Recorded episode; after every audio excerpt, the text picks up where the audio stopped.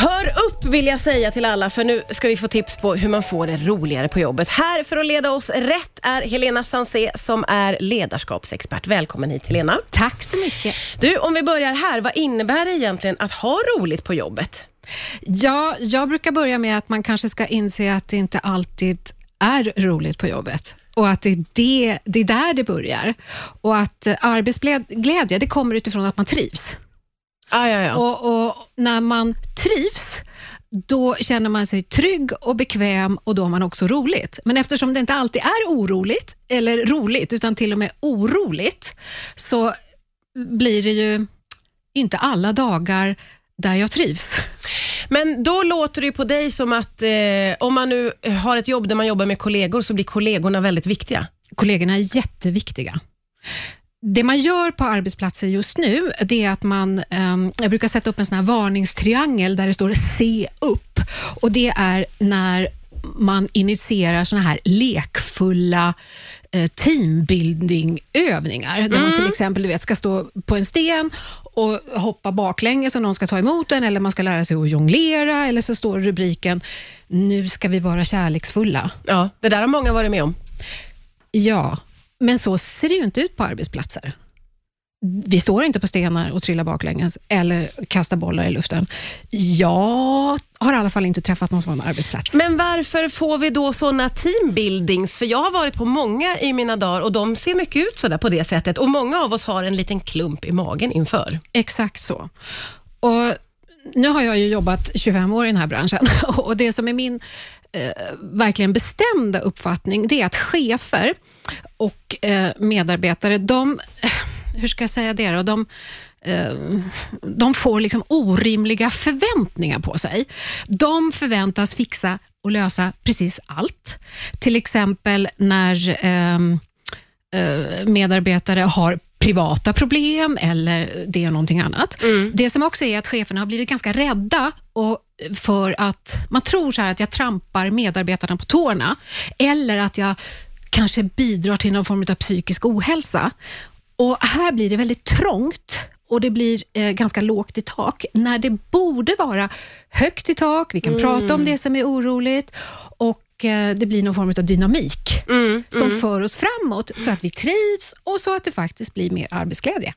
Men hur, eh, hur skulle man utforma teambuildings för att de då skulle ha ett, liksom, ett bättre syfte, tänker du?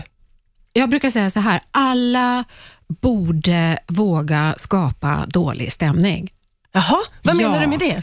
Jag brukar säga tre exempel. Det, det första är så här, jag tror att alla kan känna igen sig i att någon har sagt så här någon gång. Åh, nu blev det lite dålig stämning här. Eller att någon säger, kanske med lite ironi, ehm, och bilen går bra. Ja, ja, ja. Eller ja. någon säger så här, vad fan menar du nu? Mm. Och De tre är exempel på att någon i alla fall säger något. Mm. Man blir inte tyst och förhoppningsvis är det någon som hakar på Ja, just det. Och, och bryter det där och då? bryter det här. Och Det här behöver vi få förutsättningar för att träna på. Mm. För att svenskar är i regel konflikträdda. Ja, ja, gud ja. Ja. Och Ordet konflikt är så värdeladdat. Jag brukar använda ordet meningsskiljaktighet. Ja, Alltså, vi är olika. Vi tycker och tänker och känner Ja, ja, ja. olika. Rätt, fel, bra, dåligt. Det är en vanlig vardag på jobbet. Mm. Ja, ja, precis. Jag förstår vart du är på väg. Och du sa här innan låten, Helena, att man ska våga kanske ställa till med lite jobbig stämning. Ja. Varför? Därför att vi behöver känna oss trygga med varandra. Vi behöver ha förtroende för varandra. Jag tänker att vi alla har någonting gemensamt, att vi vill kunna vara de vi är. Och Oavsett hur vi är så vill vi bli mottagna. Och Arbetsplatser har ju förväntningar på att man ska faktiskt tycka att det är kul att vara där. Ja. Och Då kan vi inte hålla på och lägga locket på när det är oroligt Nej. eller när det blir okul. För att det är där grunden är för arbetsglädjen. Så vi måste liksom gå igenom den, annars blir vi paradoxalt nog eller det blir paradoxalt nog ännu mer dålig stämning om vi inte tar hand om den.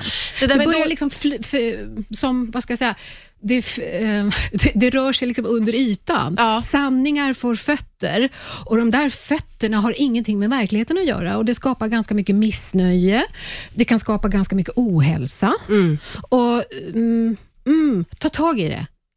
Det, det förstår man ju eh, till viss del, att man borde prata om sådana här saker. Men det finns ju mycket som hindrar en från att göra det. Att, både att skapa den dåliga stämningen, men kanske att man är rädd för konsekvenser och annat. Hur, hur ska man tänka kring det? Ja, och då tänker jag, nu kopplar jag på mitt absolut största hjärta, därför att eh, ofta säger vi ju ingenting för att vi är just konflikträdda.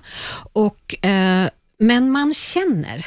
Vi känner av. I alla fall de flesta av oss. Och För en del så är det här en ganska så obehaglig känsla. Alltså jag blir rädd, eller jag blir ställd, eller jag blir lite så här passivt förbannad. Och Det här är inlärda mönster som är automatiserade. Och Här behöver vi få hjälp av den där som kanske säger så här, åh, nu blev det lite dålig stämning här. Eller som säger, eh, hallå, vad är det som händer? Ja. Så att jag inte kanske irrelevant agerar på det här och går ut och stänger dörren.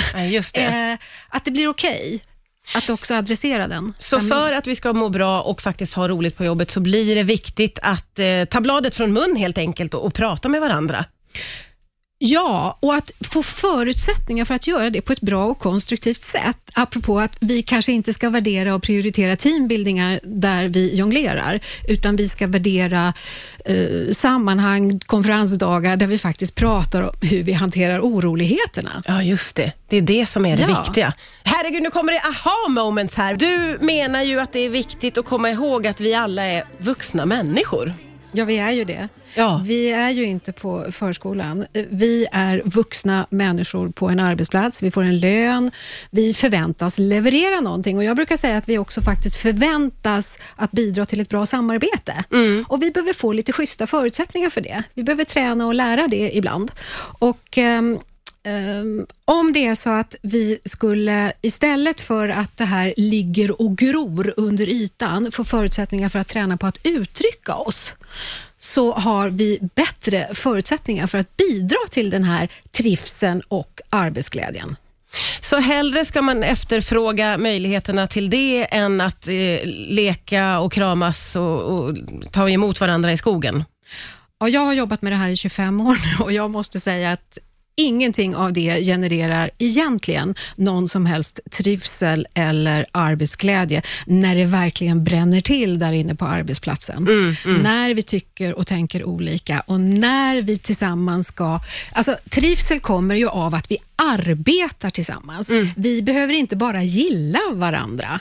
Vi behöver funka de där oroliga dagarna när dagsformen kanske är lite sämre. Ja. Vi är kanske irriterade eller arga eller besvikna, eller, men vi förväntas arbeta ändå. Ja. Det är där. Så om du skulle skicka med eh, lyssnarna tre verktyg eller eh, tre saker som man kan ta med sig då? Jag tänker så här, människor på arbetsplatser är vuxna. Börja där. Utgå från att det är rimliga förväntningar på varandra. Oavsett vilken titel och oavsett vad vi jobbar med. Självklart ska vi också ha roligt. Eh, öppna munnen och säg någonting. Bli inte tyst. Hjälp den som försöker trevande säga att nu blev det lite dålig stämning här. Och stå kvar i den där dåliga stämningen och bli lite nyfiken och utforska den. Och nu tänker jag att du kan bli den där hjälten som faktiskt samarbetar till bättre trivsel. Mm, det, det vill man ju verkligen Ja, ta med sig till sin arbetsplats. Ja. Otroligt hjälpsamt och intressant måste jag säga. Tack snälla Helena Sansé för att du kom till Rix FM idag. Tack så mycket.